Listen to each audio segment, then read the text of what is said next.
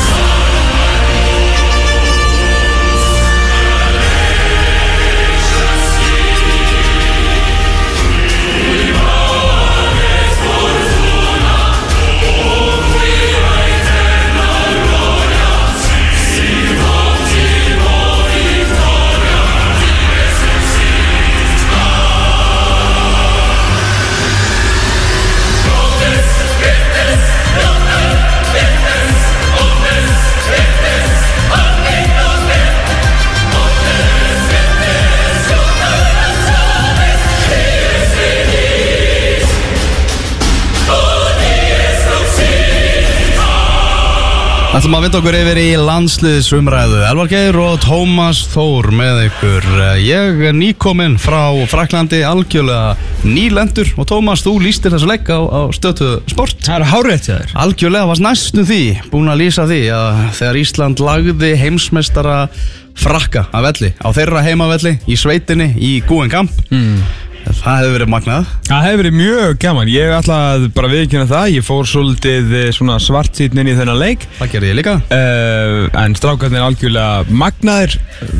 Já, ég verða að viðkynna Þetta var svolítið já, hvað, Tómas Ingi Tómasson sagði alltaf á, á sín tíma í, hérna, í Pepsi morgunum Svolítið, svolítið skúfelsi Menn voru svolítið skúfaðir að eh, sko, náttúrulega Íslandi ekki unnið hefur aldrei unnið Frakland í, í fótballtaleik sem að kannski var komin tími á og, og ekki 20 ár síðan við fengum eitthvað út úr fótballtaleik gegn frökkum sem að var jú markið hans Rikka Dada sem að nokkur sem hefur verið fjallað um. Smá. Það hefur aðeins verið, aðeins verið fjallað um það þannig að ég stöðunni 2-0 þá ætlum við ekki ég sá ekkert annað stöðunni ef við myndum vinna þetta. Síðan glemdi ég að þeir áttu hann að krakkan hann Mbappe við nokkar Mbappe já Hann er ekkert eðlilega fucking góður í Hann fókbaltan er rosalega góður. Jesus Við Christ tölum um það sko fyrir leikin Ég og Sindri Sverrisson á morgunblæðinu þar sem við sátum hann í fréttamannastúkunni.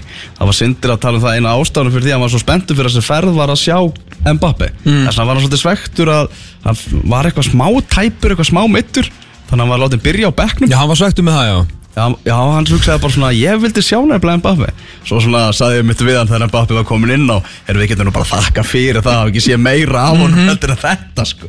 Þetta, þetta er náttúrulega, þú veist, það er eitt að vera bara frábæri fótbolta eins og allir leikmenn frakka eru og svo er að vera í þessum sérflokki vera með þennan, þú veist Messi, Messi Ronaldo faktor sem að Kylian Mbappe er með. Já, ég meina, er það ekki bara þannig eins og, og gárangarnir hafa verið að tala um að að næst þegar Messi og Ronaldo eru búin að fá nóg af þessari samkeppni sinn um að fá gullboltan Já. þá er hann næstur. Jú, er það ekki? En er Modric ekki að fara að taka þetta núna? Þú veist, hann tók allavega FIFA-velunin, sko. Mm, Nei. Ég geti trúið því að Heldur það? Já, Modric myndi alltaf bara taka þetta fyrir þetta heimsmeistara Já, ok. Keppnin. Ég veit það ekki. Já, en, en, en svona, jú, Mbappe á eftir að vinna Þú hver er þennan- kjósa til gullboltan? Það eru blaðamenn bara Er það ekki 56 blaðamenn? Það er hann fransk fútból dæmið hana Það er ekki blaðamenn og landslistjálfarar og eitthvað? Þú veist, það er uh, FIFA hérna, Best Award Það er alltaf bara bólavelinin Það sem allir kjósa bara, þú veist, hérna, Jürgen Klopp og eitthvað þegar hann er í Liverpool sem besta þjálfaran saman hótt að menn verið heimsmeistar og eitthvað. Þú veit, Jürgen Klopp sem þetta frábæk knæspilistjóru og allt, allt læg með það, sko. Og hérna, svo eru sumir sem að velja bara eitthvað þú veist, eitthvað vinið sína í Afríku og sleppa Messi og Ronaldo og þetta er svona, þú veist, svona sérstök velun, sko en frans fútból er náttúrulega bara blaðamenn held ég, þeim er rétt, jú, jú. Já Þetta Já, og er þá, það, kannski, það er frekar ef þetta er ekki svona vinsaldakostning, það er alveg Luka Modric alveg, alveg líklegur, sko. Já, en ég menna þú veist það vita satt allir að Luka Modric rátt fyrir að sé geggjaði fótboltamæður að hann er ekki á þessum sama klassa náttúrulega, þú veist, er Nei. þú veist, það, það er ekkert að, það er að ræðum það Nei, nei en hann að, já, Mbappe hann breytti En- þessum leik En það er, áður við förum í leikin þá er náttúrulega eitt af mínu allra uppáld það sem við erum hérna, þú veist, auðvitað við hérna fyrir fólki í landinu en við erum náttúrulega líka hérna svolítið bara fyrir okkur sjálfa og uppáhaldi mitt í þessum þætti Mm. er, er sem sagt, eru ferðasögur Elvars Já. og svona svolítið svona svona þegar þú verður svolítið svona eins og ilmur í borgarilmur og svona segir mér að hvernig var þetta hvernig er Gjöngkjamp Þarna við gistum ekkert þar ég gæstu ekki þar og Við vorum strax er þetta áhugavert Já, við vorum í hérna St. Brjúk og það var vegna þess að í þessari ágætu Guggenkamp-borg er bara, það eru ömuleg hótel sko. það er bara, þetta er bara fangelsi sem er seldila sem hótel no. og við vorum að skoða þetta og eina, og við vorum bara, nei, nei, þetta er bara þetta er hörmung sko. Þannig að við fund, fórum í smábæ, við vorum á bílalegu bíl þannig að það var hálftíma á milli. Þannig að við vorum í St. Brjúk og var íslenska landslið þá í fangelsi?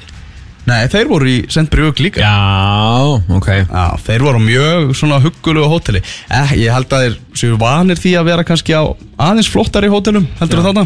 En ástæðan fyrir því að þessi leik var náttúrulega haldin á þessum stað var að það var verið að sína landsbyggðinni, sveitafólkinu og, bæn, og, og bændunum. Það var verið að sína þeim heimsmeistarana. Bændum að búa liði Bændum og búalið. Og það var sko, eins og við talar um að vera svart sitt fyrir leikin sko, ég var það líka Svo var ég bjart sítni þegar ég setti saman mögulegt byrjunalið Íslands og ég mundi eftir því að veist við erum með Alfreð aftur, við erum með Jóa Berg aftur, menn sem að gera bara menn í kringu sig bara betri. Já, ég er náttúrulega held með vikingi sko. Þannig ég er náttúrulega bara mjög svart sérna eðlisfari. Já, að sjálfsögðu.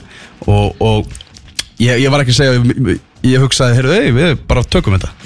En næ, ég var svona, heyrðu, ok, við erum kannski ekki að fá eins mikið skell. Svo fór ég á æfingu frakka síðust æfingu frakka fyrir leikinu, hún var bara opin æfing já partíæfingin partíæfing fyrir framann fullan völl.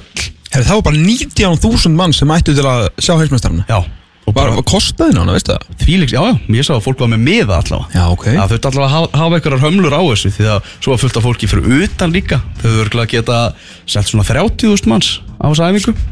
Já, Það er, þeir eru svolítið ánæður með það að vera heimsmeistarar mega að vera það. Og skemmtilegt hvernig æfingi var sett upp sko, því að það voru svona stöðvar í öllum hotnum. Og liðið var svona að æfa einhvern veginn alltaf í hring. Svona að þú veist, allt innu liftist ein stúkan upp því að þeir voru að fara að mæta fyrir framann hana sko. Hvað var þetta bara svo Gumi Hilmas í stöðvaleik Gumi Hressa og lögatarsmóndið? Þetta var algjörlega þannig. Það Þetta var bara algjör partíæfing og náttúrulega allir með fána og svaka stuð og svo mættuður hann í loki þar æfingu var loki þá löppuður einn ring með heimsmeistara byggarinn og, og, og taumlaus gleði. Og þá er með þegar við vorum að horfa á þessu æfingu hugsaðum við svona þú veist, þeir voru ekkert mikið að fara yfir först leikatrið Íslands eða eitthvað sko. Nei. Þetta átti bara að vera síning Þeir voru bara að fara að sína sig þarna. Þannig að þá var maður líka bjart sýtni Og líka vegna þess að Pól Pogba var svo ógeðslega lélugur á æfingunni Bara viðbjóðslega lélugur uh, Á, á, á sprelli æfingu Á sprellæfingu Það var bara ekkert að ganga upp í ánum. Já. Samt var hann samt einhvern veginn svo hress. Hann bara svona Bara hress yfir því að vera ekki í Manchester United. Þú veist, það er ekki á æfingu á þeim. Uh, Svo var hann svona svipa lélugur Eiginlega í leiknum bara á æfingunni. Já. Það var eiginlega, þannig. Og uh, Florian Tóvín maður sá það, það var ekki alveg að ganga upp hann var ekki alveg að hitta hérna í fyrirgjöfum og svona á æfingunum og hann var líka ekkert að hitta þegar, þegar í leikin var komið. Nei, nei, vissulega þannig að það svona fekk mann aðeins í bjartsinna og svo þegar maður bara sá leikin fara á stað. Þú veist, þá sá maður bara, heyrðu, þetta er íslenska landsliði sem maður kannast við. Veist, þetta er bara algjörlega það. Og þetta var bara hörku flott sko. Og ég hérna uh, svona þrátt fyrir að við höfum mist þetta niður við hefðum unnið þetta hefðum við ekki tekið alla líkilmennina út af -hmm. eða svona flesta líkilmennina út af uh, þá hefðum við klárað þetta. En ég skil Erik Hamren alveg fullkomlega. Ég meina í þessu leik þurfti bara íslenska landslið að sína þjóðinni að, að þetta er ennþá gamla góða íslenska landslið. Og þeir gerðu það. Og svona, menn voru svektir eftir leik. Það er alveg klárt mál sko. En það bara er íslenska landslið þannig að þeir þeir, þeir eru ekkert ánæður með að tapa niður 2-0 stöðu í, í lokin saman hver móterinn er. Nei. En andinn og, og allt það þetta var bara ég var bara virkilega ánæður með þetta sko. Þetta, það var svona einhver uh, svona það sem að lasur sem var í gangi í þessum dögum en það fyrir þegar maður var að horfa á viðtölun ykkar allra að, að það var svona á smá hundur í, í strákunum. Og hérna ég held að, að þeir sem eru og megi vera svona nett pyrraðir yfir uh, allavega miðasölunni á leiki núna á mándaginn. Ég var að fá það frá KSI núna bara í morgun, fór og, og hérna aðeins tjekka á þessu hver staðan væri, ég var svona að vona að staðan væri betri en það eru ennþá um 2000 miðar eftir á leikinn sem að fer fram já bara eftir uh, 36 tíma og svo. Neina miklu meira fyrir ekki það að- að- það er eitthvað tveit dagar í þetta. Mándaskvöldi Þannig að kom skjálti meðan á frakkaleiknum stóð Mhm. Þá var fólk að teksa sig. Svo komu engir eftirskjaldar komið engir eftirskjaldar. Það voru svona nokkri sem voru bara sá Birki Bjarnason skora og bara hei okkar menn eru komin aftur? Köpið með það, köpið með það, við varum á hérna sætum eitthvað. Og fóru ykkur þúsund með það sko. En samt einhvern veginn náði veist, ég veit ekki hefði sigur veist, skilað því að eftirskjáltarnir hefðu, hefðu orðni meiri og, og svona hefði aðeins svona, bæst við með þessu veit það ekki, örglega, örglega en það er þá þú veist um 2000 meðar eftir og þeir svona ég sá að þeir eru líka kvarta yfir eitthvað svona umræðu um, um framistuðuna þeirra Ah. þú veist í þessum síðustu leikjum ah. sem að uh, veit ekki alveg hvort, þú veist, ég held að hún hafi látt rétt á sig sko, þeir töpuðu 6-0 í Sviss sko. Mhm. þú veist, formaður KSI sem að ég passa sig að segja eins lítið og hægt er í öllum viðtölum meiri sem að sagði á, ég held að hann sagði bara á Twitter þú veist, það er bara grafið á internetinu eilifu á framistæðan hafi verið bara óbóðuleg sko. Mhm. og þetta var það lélegt. Uh, en þeir voru kannski svona meira pyrrari við því að þeir heldur að þetta væri bara sem koma skildi, fattur að þeir ætlu bara að tapa öllum leikjum þú veist, 3 til 6-0 sem var alltaf sjálfsögðu ekki, það sem við áttum, við áttum eigum vona frá þessu liði, sko. Meður náttúrulega ekki gleyma hvaða leikmenn vanda þetta lið. Þannig að það var svona einhver hundur í þeim uh, varandi, varandi allt þetta. Og auðvitað pyrrandi fyrir þess að gæja eins og við tölum um árun þú fórst út að, að með við allt sem að þeir hafa lagt á sig fyrir þetta land og fyrir þetta lið og fyrir sjálfan sig að svona hvað fólk er fljótt að stokka á vagnum ég veit að þetta er dýrt og allt það. Þú veist ég átti mig alveg fullu því og mér varst þessi Og pæli dýrt. Þetta, þetta er mjög dýrt. En, en þú veist verði var samt bara það sama þú veist þegar þeir voru að vinna þú veist þeir voru í mestu uppsöflinni Mhm. og þeir ok, það, má ekki gleyma að þeir voru ekki bara að tapa þessum tveimuleikjum þeir áttu ekki unni fótbollaleiki í eitt ár. Allt í lagi. Uh, en að því sögðu þá voru þeir að tapa vináttuleikjum ef við veist, förum bara svona mjög gróflega yfir háum þá gera jættöflu Argentínu eiga svo skella móti Nígeríu sem var bara mjög vondur leikur bara frá aðtilu mm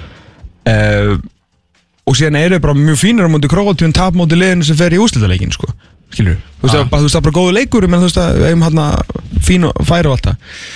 Þannig að þeir hafa gert náttúrulega miklu meiri nóg til þess að fólk sé ekki bara að hoppa vagninum út í sjó að þeir skilur fá okkur að tvo skelli hérna. Um, og að sé ennþá tvögur sem er eftir finnst mér rosalega skytið af því að þú veist, við, við skuldum þessum gæi miklu meira fyrir allt það sem þeirra var gert við okkur.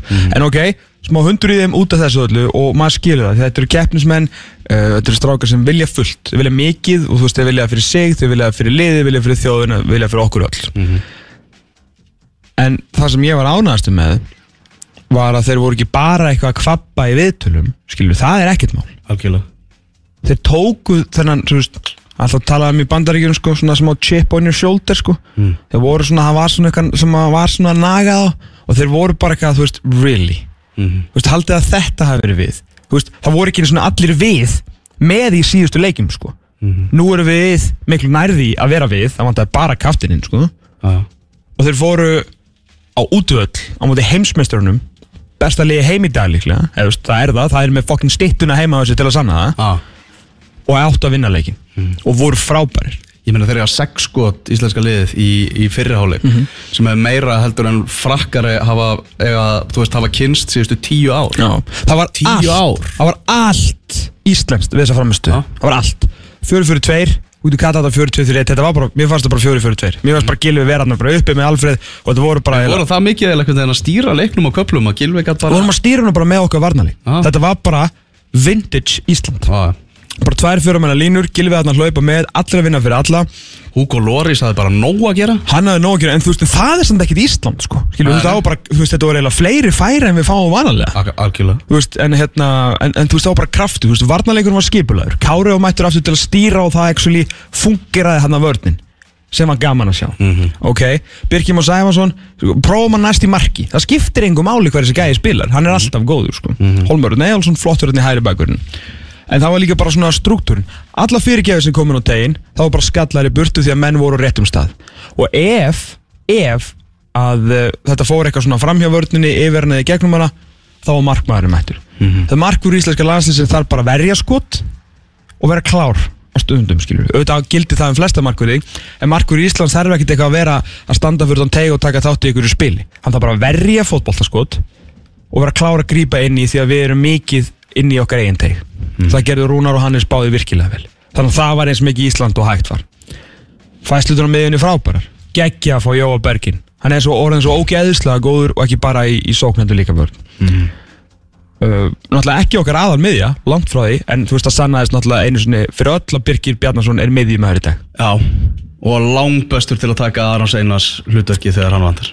Já, hann var virkilega flottur. Og það sem kom mér mjög skemmtilega óvart og það sem ég hefði mestar ági fyrir þennan leik var Rúnar Már Sigurjónsson í 4-4-2 miði Já.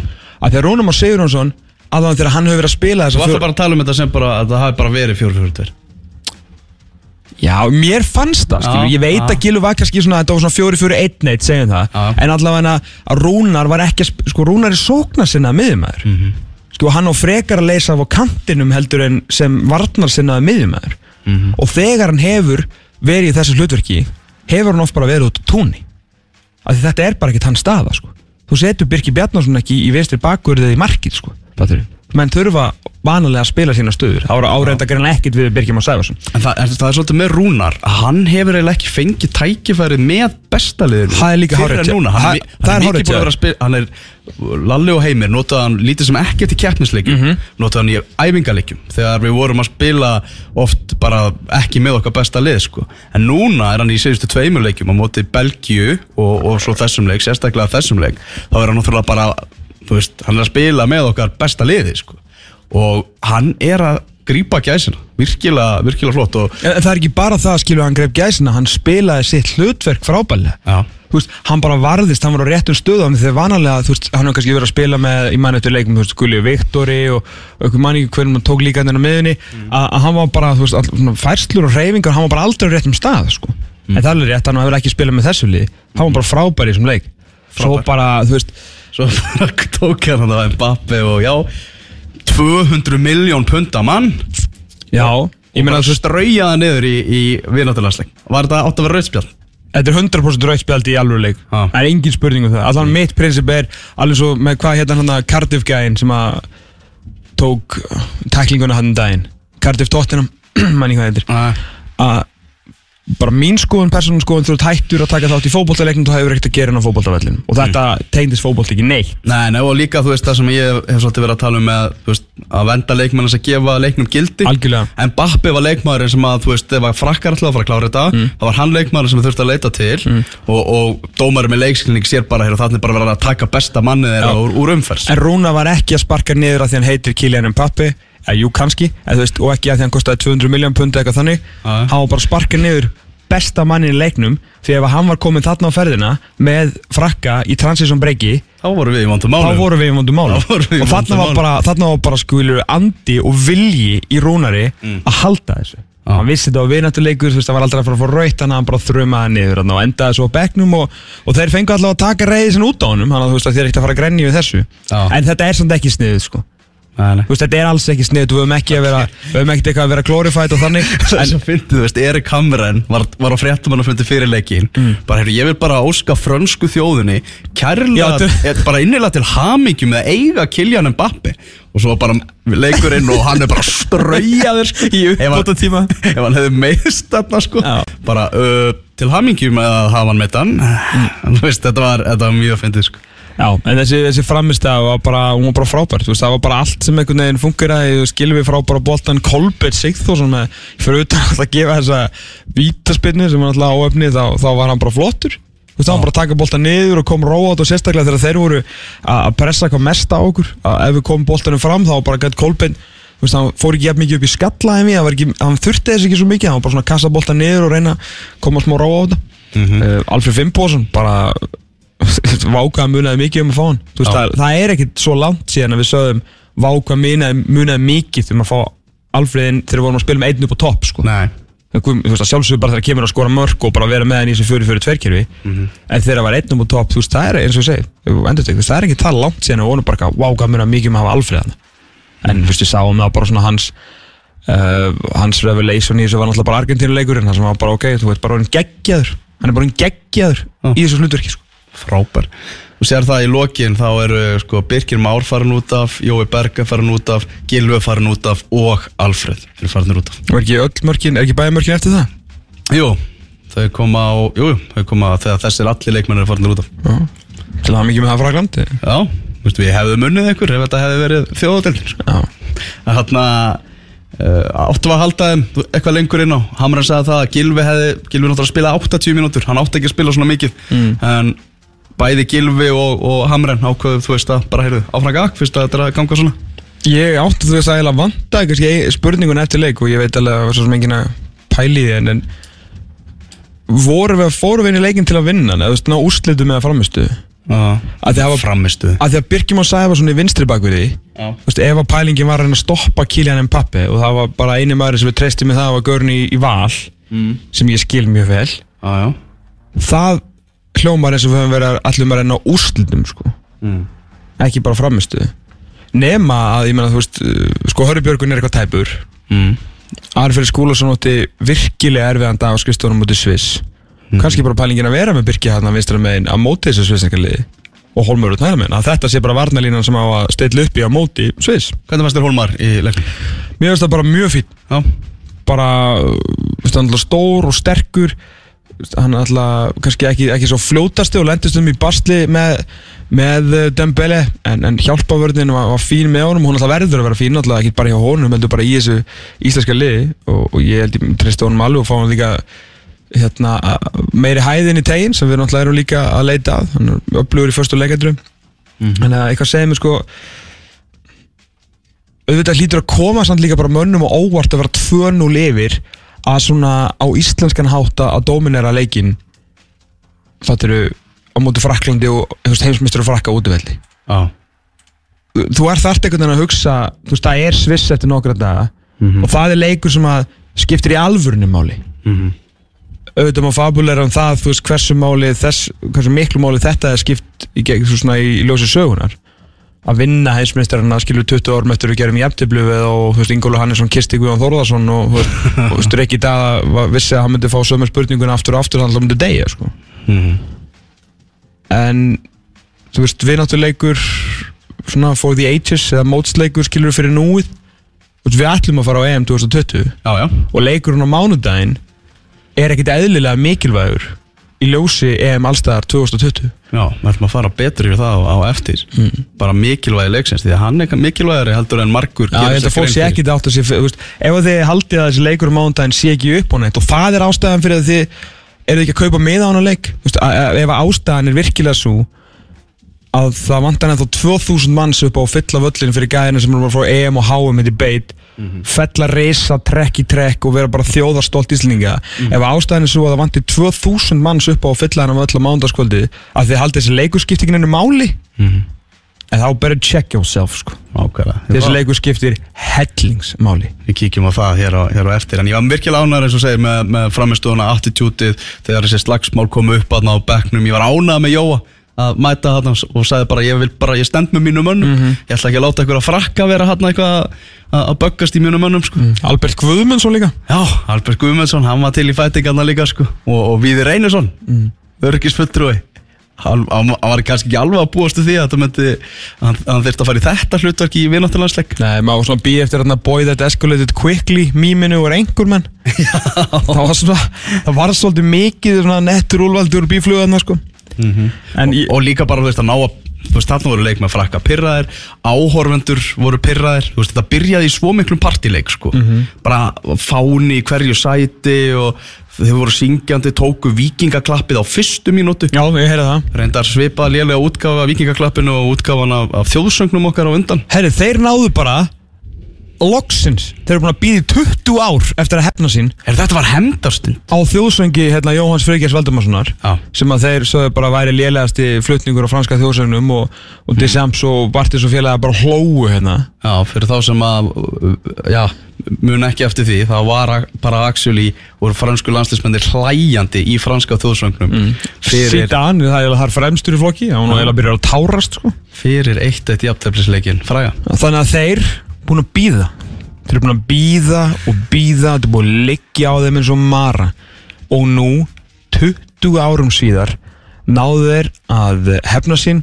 Þeir fóru bara, þú veist, já, á næsta bara næsta vinnustaf, ég held að þetta að verið fólk sem að vinnur hjá Missilin sem að var bara, sem fengur lúðra fengur trompet og básunur og, og faggot og ég veit ekki hvað upp í hendunar og satt bara að spila eftir þessum nótum. Þau kunna ekkert á nótunar, þau aldrei séð þessi hljófari og gerðu þarna heiðilega tilum til að spila íslenska þjóðsöngin Og, leik, og leikmenn virtust ekki alveg átt að sá því Er þetta okkar þjóðsöngur eða er þau þetta voru náttúrulega ekkert að spila íslenska þjóðsöngin sko. Nei. Þeir bara bjögum til nýjan þjóðsöng fyrir okkur. Já, Og hann var, hann var ekki góður. Hann var ekki góð, þannig að við ætlum að halda lofsöng. Nei, herri, þetta var bara þetta var alltaf fyrst var þetta fyndið og svo var þetta orðið vandralegt og enda endaði bara að vera skammalegt sko. Að það hjálpaði þeim ekki að þjóðsöngur Íslands er tvöfalt lengri heldur en allir aðrið þjóðsöngur í heiminum. Og þannig tvær mínútur en allir aðrið þjóðsöngur eru ein mínúta. Já. Lengsti þjóðsöngur í heimi. Hann er lengst og besti líka Mitt svo skemmtilega til. En það fj- fjallar hann um fallet blóm. Við erum ekki ekki við erum í stríði eða eitthvað það er bara- Nei, nei, það er bara okkar kall á heimnum er að passa upp á okkur og svo er að blómið okkar. Já, það er algjörlega þannig. Við ætlum að hérna, eftir smástund að skoða þennan leika múti Sviss, mikilvægi hans og líklegt Hver var byrjunar maður leiksins? Íslands. Uh, Kári Átnarsson, alveg klála Við höfum eftir að ræða Kára svolítið í tengslum við Svissleikin Þeir eru fyrst á fótbolta.net hér á X-inu 977 erum að fara yfir íslenska landsliði í fótbolta og ætlum núna að skoða þennan leik sem verður á mánudagskvöldið var hann ekki 18.45 þar sem við erum að fara að mæta Svisslendingum liðinu sem við töpuðum 6-0 fyrir í uh, síðasta mánuði. En það er öðruvísi íslenslið sem við erum að fara að mæta með núna því að það við erum búin að endurhenda leikilmenn meðal annars Gaur sem skorar á móti hverjum sem er í þýsku búndeslíkunni og uh, Gaur sem er leikil hlekkur í liði í ennsku úrvalsleitinni og það munar svolítið um það að fá þessa Gaur henn það er ótt að segja það. Uh, mikilvægi leiksins, Tómas það er meira heldur en margir hérna úti eru að gera sig grein fyrir.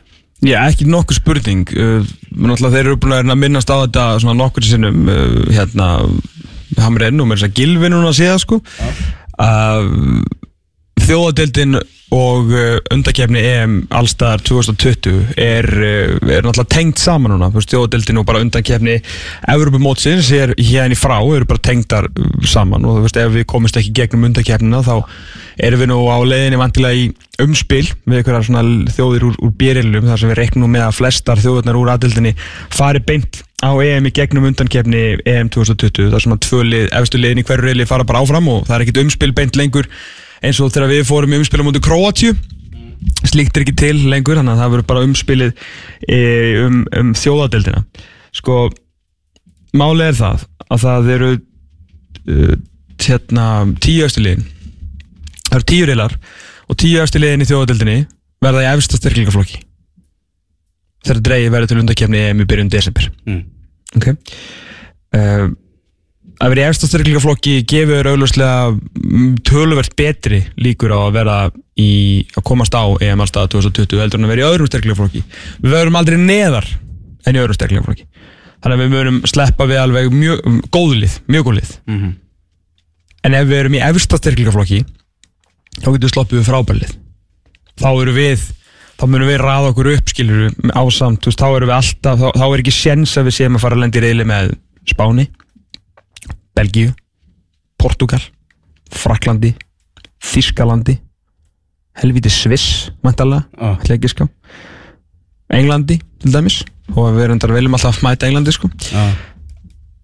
en til þess að enda í topp 10 þú veist, það eru tólið í aðild þjóðadildur núna 10 aðeins munur ræða sér í eftir styrklega flokkin fyrir, undan, fyrir undakefni EM 2020 uh, við erum í 12. sæti sem stendur en það erum við með 0 stig það sem af er okay? uh, við hefum eftir tvo leiki og við hefum eftir mjög erfiðan útileiki í Belgíu og eins bjart sínir og við erum nú bjart sínir og, og Beittir. og beittir og, og hérna við leiknismenn að þá svona erum við ekkert að gera við erum ekkert að gera okkur alltaf mikla vonir þar til við sjáum eitthvað gerast í Belgíu Mm. á móti Belgíu Mhm.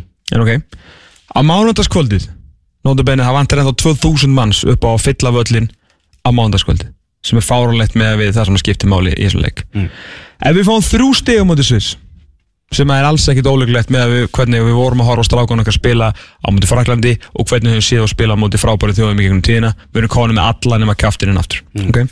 Fyrir þá sem ekkert vita þá væri það samt fáralegt ef hortið til þess að þeir eru nokkuð 6-0 fyrir mánuði síðan.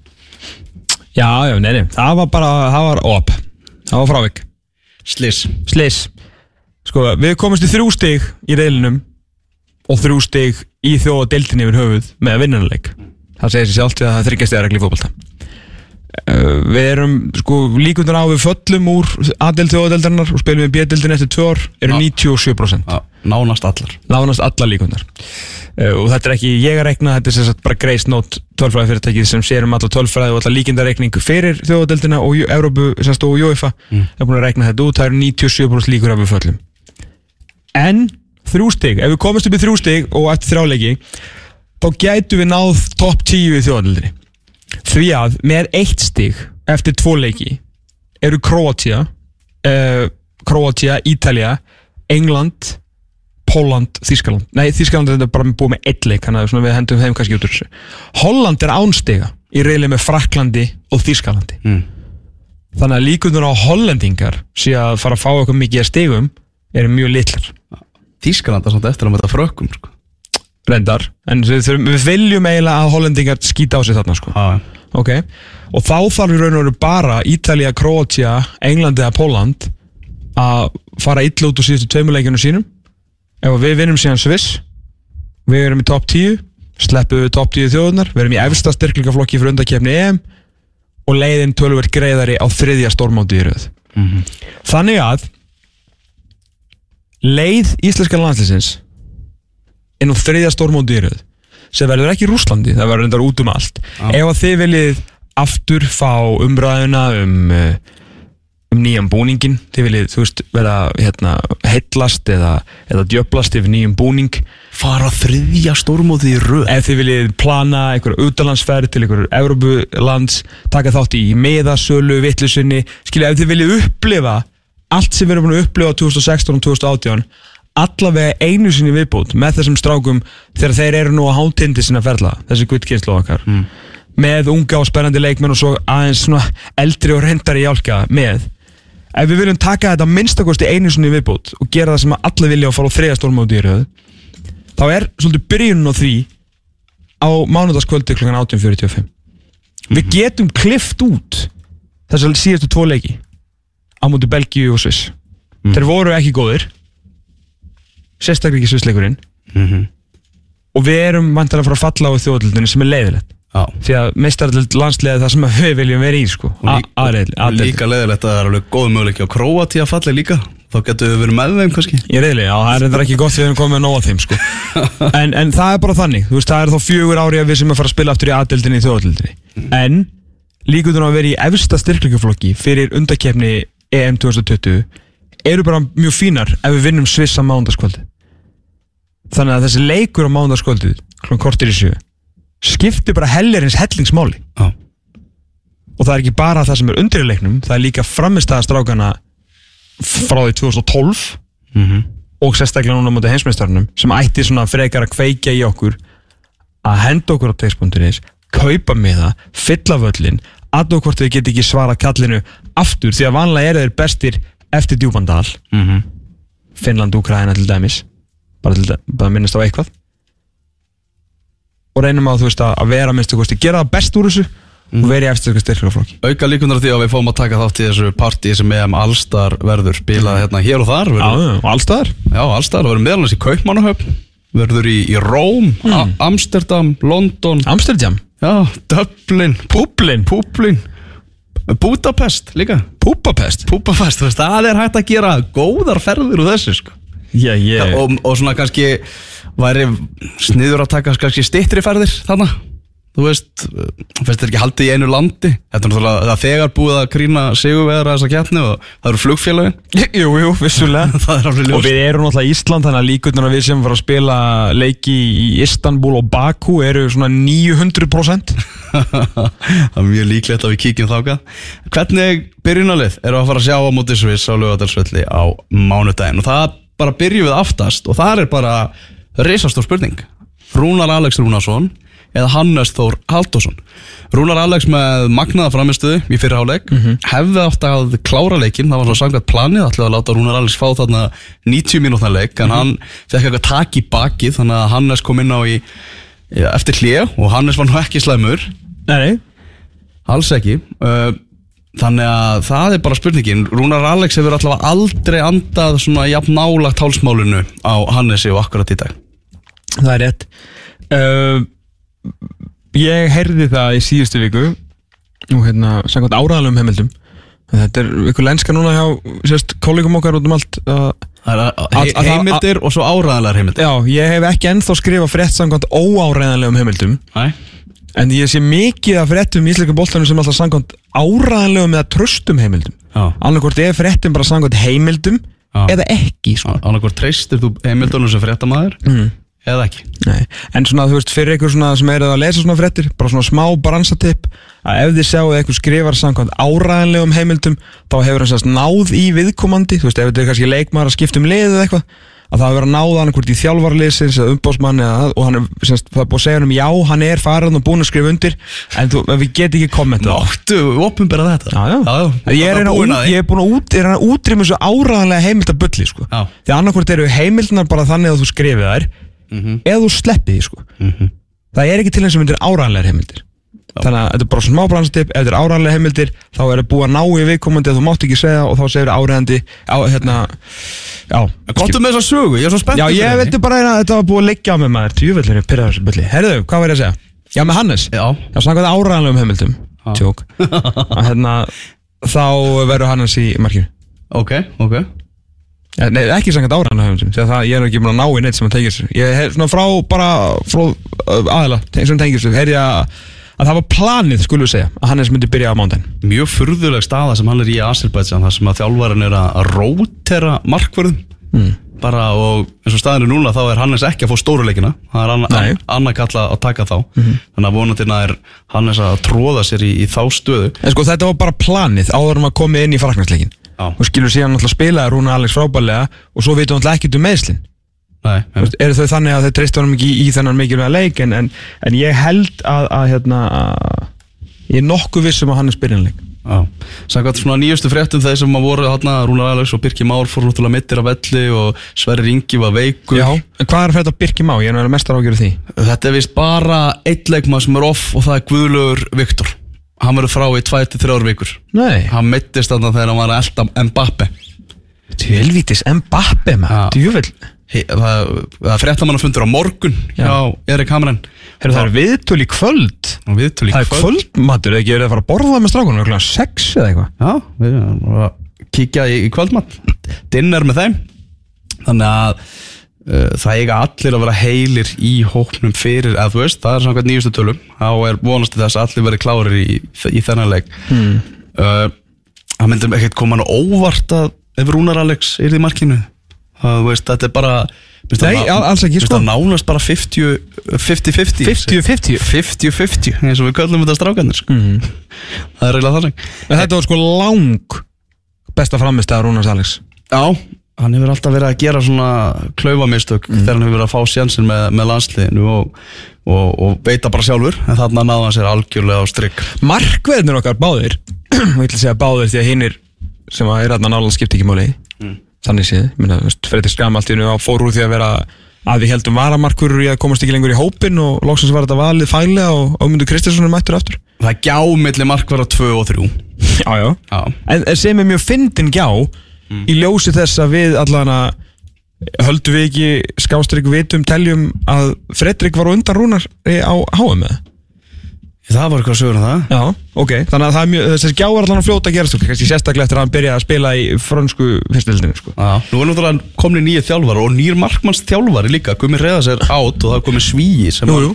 sem að það sem að menn náttúrulega byrja bara með reynd borðvandala í honum Já. Sko, þeir eru frábær fjölmjölamætur Báðu markverðinir Hann Já. er náttúrulega búin að vera eitt allra mesta indið í mörg ár. Því að hann veit, hann veit allt um fjölmjöla og náttúrulega, leikstjóri og ég veit ekki hvað og hvað sjálfur. Þannig að hann uh, er náttúrulega bara frábær í öllum viðtölum og, og segir svona hluti sem að maður vil heyra sko.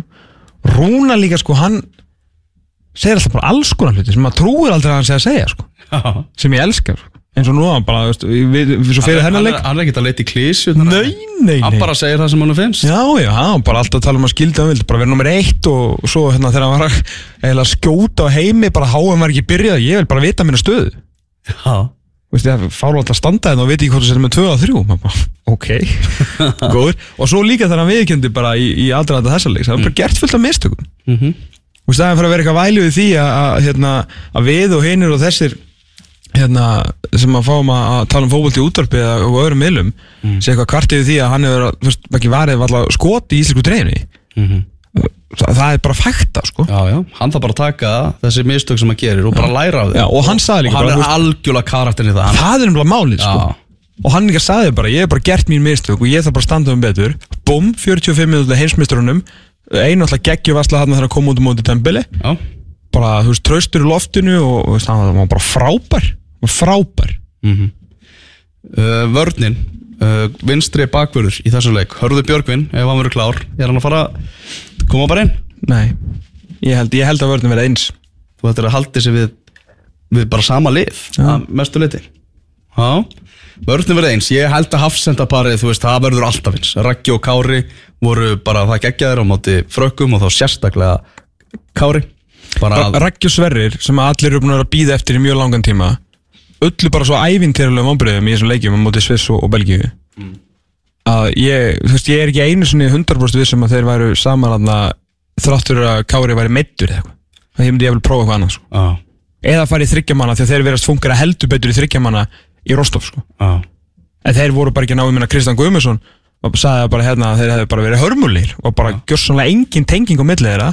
Og þar til við náttúrulega sögum um að hafa það þeir var að spila í þryggjamanna í Rúslandi þar sem að þeir eru að spila frábælega þá meika það miklu meira sens og útskýri það fyrir okkur að þetta er náttúrulega langt frá að bara vera sami leikur en að vera í þryggjamanna vörn og tveggjamanna vörn þannig að það er náttúrulega ekki nokkuð lifandi spurning það fyrir utan að segja náttúrulega líka eitthvað veikur og þannig að valið er enn auðveldara á. en Kári Átnarsson er ekki búinn í þessu landslið sko. Wow.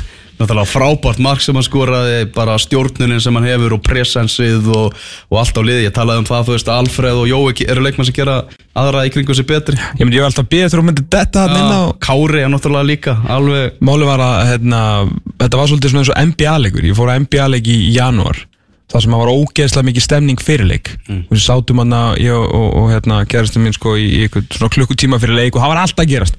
New York danskrakkarnir og það var að skjóta bólum og það var alltaf vitlaust. Þar til að leikurinn byrjaði, þá mútti heyra sömnól detta og allir fyrir síman og stemningi var svipuð í Gunn Kemp sko. það var ekki ekki hafa það byggarinn kom og hafa eitthvað ömulegi þjóðsöngur og eitthvað. Um leið og leikurinn byrjaði þá heyrðist ekki múk. Þannig ég heyrði, ég veit ekki hvort þetta skilaði sér í sjónvarpi en ég er náttúrulega þú veist með headphone þegar ég er að lýsa þessu og heyri kannski meira. Og ég heyrði bara náðan hvert einasta orð á bekknum og inn á vellin og ég heyrði bara í Kára Átnarssoni vera að stýra þessu. Og ég er ekkert að íkja neitt sko. Ég heyrði bara í honum frá Guðin Kamp til Reykjavík sko. þannig að augljóslega verður hann að áfram. Hann er að spila nú á þrjáleiki í röð með, með Gensi Bilsi sem er langbæsta liðið í Tyrklandi akkurat þessu stundina. Þeir búin að fá sér tvö mörg í fyrstu áttaðumförunum hann spilaði 63 mínútur og svo 90 og 90 á, í teknísku bjötildinu í þessum bjöldinni Já. og hérna og ekki, og ekki fengið á þessu mark í hérna þessum þreymur leikjum sko. Já. þannig að hann verðist verið í, standi sem er flott. Bara hann er bara pottet í standi það og, sést og, þeir eru bara veist, að fara upp um delt og svona og bara fínt að hafa hann hann og koma okkur í gegnum þetta. Já, hann talaði um það fyrir svisleikin að hann væri svona mættur í, í nýtt hlutverk. Þú talaði um þetta sem hvað ráðgjafa? Gæðastjórinn. Já, gæðastjórinn. Þarna Já, hann saði það, hann þarna til að halda upp í gæðum og æfingum og það svona. var greinlega búið að tala við hann svona eins um það. Vildi ennþá hann er hlut á hópnum og eru til tax og svona sko. En hann sagði það að þau tók að skýrt fram samt að metnar hans væri þetta að vera inn á vellirum það væri alveg, alveg klárt mál áfram sko. Við förum fram úr okkur aðeins. Mm. Undakefni EM allstæðar verður spilið frá mars til november já, árið 2019 Mm. Ef að Kári Hallarsson gerir það sem að tilstóði sumar og spilir með vikingi frá mæ til óttúber já. verður hann áfram stættur eða? Ég meni að við, Birkjum á Sæfarsson getur það sko. Þú veist, maður veit ekki hvernig þú veist, Erik Hamren hugsaði þetta en bara, þú veist, Heimir Hallgrímsson var, var alltaf með þetta, ef þú stendur þig í íslenska landslýsbúningnum, Já. þá ert þú minn maður. Þráttur þú segir í ykkur kannski brasi í félagsliðinu eða eitthvað. Ef þú ert að spila vel fyrir íslenska landslið þá bara ferða að spila áfram fyrir íslenska landslið En sé- þá kemur ennþá stærri spurning. Kári kemur heim. Mm. segjum að Kári bara, þú veist, við vinnum svið svo segjum við erum bara eftir styrklarflokki okkar hann verður ennþá í styrklarflokki að spila sem aðturum að þeirra undakefni EM allstaðar hefst í mars. Já. og hann verður á mantala í liðinu. Við, bara, við förum aðeins úr okkur. Spila þessa marsleiki og svo er hann kannski bara nýkomin heim til dæla þannig þegar það verður komið út í þá júni leikina þú veist, ok, þú vilt ennþá velja, hann. Þú varst kannski að spila einn mánuð í, í á Íslandi. Þú veist, það var þetta að segja, þú veist, hann er búin að vera hérna í aðurum sko heilt ár og þetta, sko. En svo kom ágúst, september þú veist, oktober, november leikir þegar hann er bara búin að vera í Pepsi-deldinni og segjum hann haldið áfram þar skilur og við komumst á EM. Hann er á 37 ára, hann er á 38. aldursári. En hann var að spila EM 2020 líka skilur, hvenar á að, á að slíta nafnastreikin og þarf þess þegar hann er að, er að spila svona vel skilur? Sko, hérna þetta er erfitt með gæja sem er 82 mútið sko. Félagi minn var á Ítali að horfa á leikin, Frakland-Ísland mm. Datt inn á eitthvað bar og hann sagði með að Ítalarnir sem voru í kringum sig þeir höfðu bara verið að tala um þetta er bara íslenski Maldini sko. já, Já, kallar, og það er nú ansi, ansi stórt. Og Maldini, hann var nú ekkert að láta á sjá þegar árin, Nei. árin farðist yfir. Hann var ennþá kongur í ríki sínu bara hund gamall sko. er þetta ekki bara þannig að ef að Kári Kári- Árnason er bara leiðtógin og bara, bara besti varnamæðurinn í liðinu? Saman hvort að spila með Vikingi, Gensir, Belici eða Babylon United. Já. er það ekki bara í þessu liði?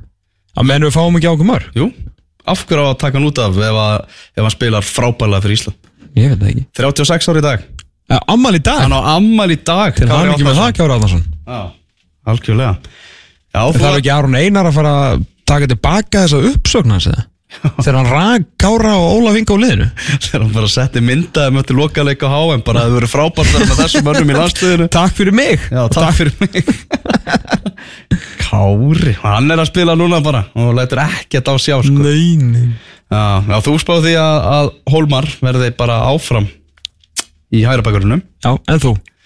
Með, ég held að ég held að Birkir takki hægri og, og Hörður Björgum kominu vinstri. Já, ég, ég held að sé ekkert villisöður en ég ætla bara að halda við hitt. Mm. Svo er það spurningin með En er þú og Hannes eða Rúnar? Þú svarar ekki. Uh, Er ég á veist, Nei, nei, þú veist held, hvort heldur að verði? Ég sagði að það væri bara 50-50 50-50 og heldur við, við þá færi sko. Já, en ég held að vera Hannes. Ok. Ég ætla, ég ætla að spá því að Hannes verið markinu.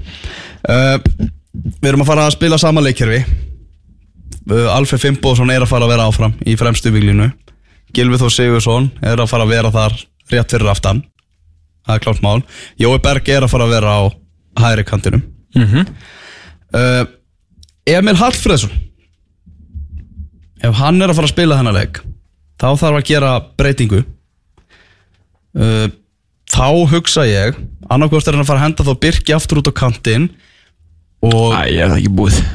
og Emil En er það ekki tvindi ef að Emil sem að var alltaf út á kantinu þegar hann var miðjumæður Ha. að hann komur á miðjuna og þá fyrir Birkir út á kantinn þegar hann er orðið miðjumæður Jú, það er mjög fyndið. Birkir er bara nýja Emil sko. Já, já.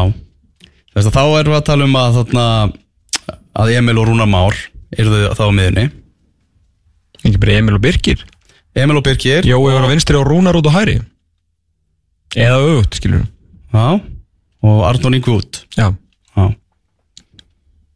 Já. Þú veist, það er alltaf alveg ljóst að, að Birki Bjarnason verður í þessu byrjunarliði.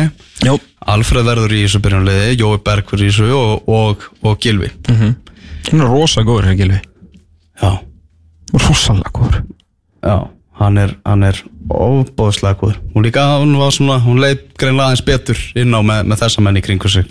Svona þegar voru svona aðeins meiri gæði í kringum hann heldur en að gerði síðasta glukka Já, Og skiljanlega ég var líka, ég var ánægð bara með Gilva frá þessu Í- Já, ég var bara mjög ánægð með hann í þessu verkefni Já, ég, ég er að meina það, veist, hann fó, mætti hann á fund og fekk þessar leiðilegu spurningum í þessi viðtöl og náðu svona sláðus aðeins upp í létt, skilur við vissi hann, þetta var kannski ekki sniðut hjá honum. Útskýrið að þeir töpu þarna 9-0 og, og það er svona rétt hjá honum, hann vantar ekki að fara veist, að leysa neina efnafræðaformúlur sko, í, í þessu viðtali. Þó að þessi bara svona kannski prinsip mála að fyrirlegi koma svari fyrir. En hérna, en var ekkit það var engin gorgir, engin stælar skilur við, vissi bara að þetta voru mistök og, og hérna bara gott svar Já, gott verkefni hjá honum, frábær leikur þú veist, var með bandið bara geggjaður. Mm Svo spurði Henry Birgir hana eftir hana leikin Það hlýtur nú að vera gaman að koma í viðtöl eftir svona leiki. Og Gilvi fattaði alveg kynntinguna það og hafði gaman að henni sko. Það líka, það líka geta tekið þessi þeirra menn svona í þessi örfáu skipti sem þeir svona kannski uh, stíðan til þér Já. en það var bara það var bara allt gott við þess að ferð. Já, Þetta Nefna kannski úslitin Eða þú veist, að því að mann langar Það er nú það bara að fylgja svo eftir. Já, Við erum alveg í skíjónu núna En það er Já. setni leikurinn er eftir Það er þessi svissleikur eftir. við verðum bara í skíjórum þar til við veitum annað. Já. Við getum bara, skilur, bórið tilfinningar til þess sem búið er. Mér finnst alltaf miklu skemmtilega að tala um íslenskan landsliði í fótbolta þegar, þegar svona gengur heldur en þegar við vorum hérna eftir 9-0 klukkan sko. Já, mér er alveg sama á þetta tapi, sko. Já, já. ég, ég, það skipt með engum máli. Já, Bara ekki í svona sviss framistu Þá nenni ég ekki að tala um Hefðu fengið þriðja markið á okkur á móti frökkum og tapa 3-2 Dröllu sama Já, við værum ennþá samt einhvern veginn í þessum gýr sko. Mhm. Það er Það er þetta verið fyndið á Mpappi Það er bara gert það og geta kent honum allt saman. Já, nokkulega Ég vona að Svisslendingarnir viti samt ekkert af þessu frakkaleg Haldið bara, já, við erum frá Já, Ísland, við unnum það Já, hana 6-0, já, já þeir þeir eru ömulegir Já, nokkulega Það er svona það sem ég er að vonast eftir sko. Þeir fóru, strákunar okkar fóru bara beint út á flugvöll eftir leik Já, leiguflug. Já, hendu sér bara í leiguflug beint heim Þannig að þeir lendu ykkur tímann um, um nóttina. Þannig að, Þeir eru góður undirbúningu þá. Já, þannig að þeir hafa svona Það er kannski reyðilega svona aðeins svona Og gera, gera rástað þess að, að það er fjölmjöla hittingur kannski klunga 6 Það er svona aðeins Það er á púslis aðeins öðruvísi saman já, heldur, heldur, en, heldur en venjulega. Besta mál. Bara ekkert af því uh, og svo verður bara frólægt að sjá hvað Erik Hamren segir á, á fréttamannafundi á morgun og svo er leikurinn á uh, mánudagskvöldi, mm. drifið ykkur að kaupa meða En ég er með Birki og Emil Og Gilva á miðunni Rúnar og Jóa á vangjunum já já, já, já það kemur mann ekkert óvart sko. svona með að við framistuðu þá ert að koma það sem flestum inn þarna, bara með við gæði og framistu Já, og líka þú veist, þú bara spilar einum kannski út úr stöðu og Rúnar er samt, þú veist, var besti leikmaðurinn á móti Belgíu ekki? Þú veist, á kantinum? Ég menna Ari var á kantinum í síðasta þjóðatildarleik þannig að menn er alveg ég, ég er alls ekki, ég er náttúrulega get ekki farið þeir eru alveg óhrættið að spila mönnum aðeins út úr stöðu. Já, en ég, ég er náttúrulega ekki hrifin að því og ég kannski get ekki verið ómikið til Hippokrates skilur að tala á móti sjálfum mér. En Rúnar skilur getur alveg leist þá stuðu Já. þannig að, að vera með Rúnar á vagnum á móti Jóa, Emil Birki og Gilvan á miðunni og Alfred á topp Gleði, gleði. Þetta verður uh, hörkuleikur á mánudaginn þegar að hlusta á útvastáttin. Það er ennþá 2000 miðar Nei, ég held að sé 1800 eftir, eftir, eftir þess að eftir þess að ræði En við hefðum átt að setja okkur markmið að vera uppselt fyrir tvö Já, algjörlega sko. Og fá séðan alltaf bara þá í laugatalinn til að senda okkur Já, uppfæsli á stöðunni. Já, ég var endur Já, það- getur endur kannski reynst erfitt En já, já, áfram gag já, já við setjum okkur hálít markmið hérna. Exið 977